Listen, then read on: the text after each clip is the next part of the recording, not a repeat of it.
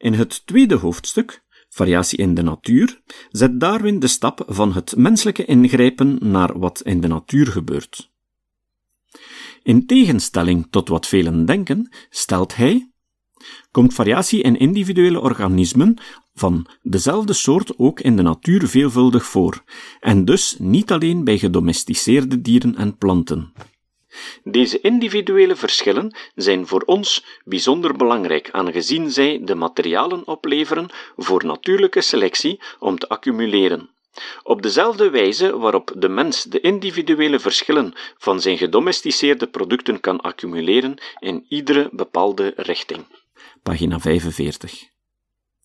Vervolgens wijst hij erop dat het, net zoals bij gedomesticeerde soorten, vaak bijzonder moeilijk is om uit te maken of wat wij een soort noemen dat inderdaad is, of dat het in tegendeel een variëteit is. Hiervoor bestaan vaak grote meningsverschillen onder naturalisten. Zo bijvoorbeeld zijn er minstens 182 in Groot-Brittannië voorkomende planten die sommige naturalisten als soorten beschouwen, maar anderen als variëteiten.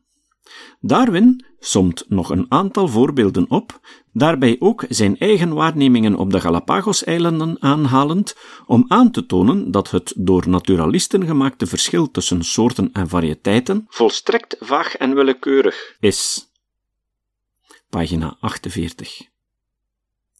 Het begrip soort heeft verschillende definities gekregen, schrijft hij, en iedereen meent ongeveer te weten wat het inhoudt, maar toch bestaat er nog steeds geen consensus over het verschil tussen een soort en een subsoort, of tussen een subsoort en variëteiten, of tussen welomlijnde variëteiten en vage variëteiten, enzovoort.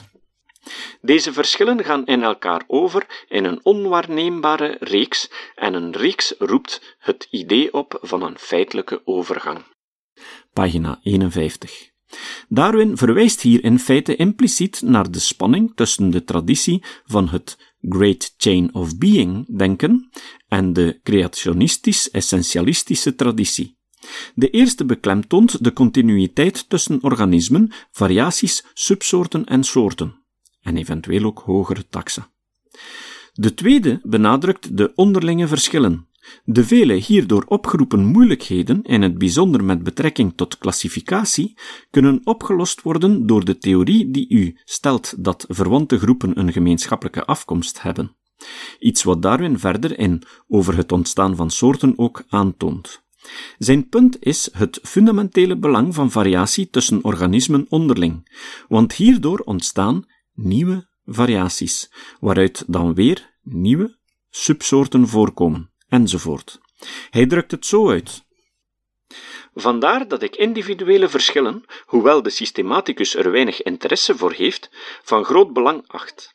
Het zijn de eerste stappen op weg naar die subtiele variëteiten die men nauwelijks het vermelden waard acht in boeken over natuurlijke historie en ik beschouw variëteiten die enigermate duidelijker en duurzamer zijn, als stappen die leiden naar meer markante en meer duurzame variëteiten, en deze laatste als leidraad tot ondersoorten en soorten.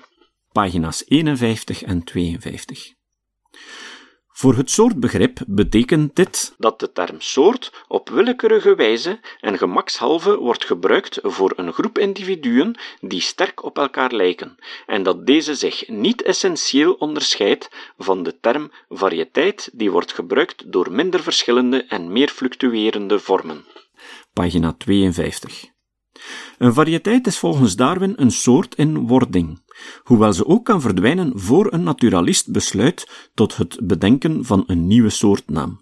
Op pagina 55 verwijst hij voor het eerst sinds zijn inleiding naar het creationisme. Hij legt uit dat we in de grote geslachten meer variëteiten kunnen verwachten dan in de kleine, precies omdat, volgens zijn theorie, grote geslachten groot zijn als gevolg van het veelvuldig optreden van variatie, waaruit nieuwe variëteiten voortkomen.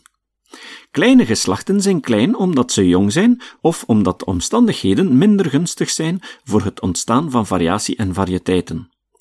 Als we elke soort beschouwen als het resultaat van een speciale scheppingsdaad, dan is er geen enkele reden waarom er meer variëteiten zouden voorkomen in een groep die uit vele soorten bestaat, dan in een groep die weinig soorten telt. Juist vanwege het feit dat grote geslachten uit veel soorten bestaan, produceren ze meer variëteiten. Het gevolg? In de hele natuur neigen de levensvormen die thans domineren ertoe steeds meer te gaan domineren, doordat zij talrijke gemodificeerde en dominante afstammelingen voortbrengt. Pagina 59. Maar we zien ook, vervolgt Darwin, dat de grote geslachten blijkbaar in kleine uiteenvallen, en op deze manier worden de levensvormen in het gehele universum verdeeld in groepen die ondergeschikt zijn aan andere groepen. Pagina 59.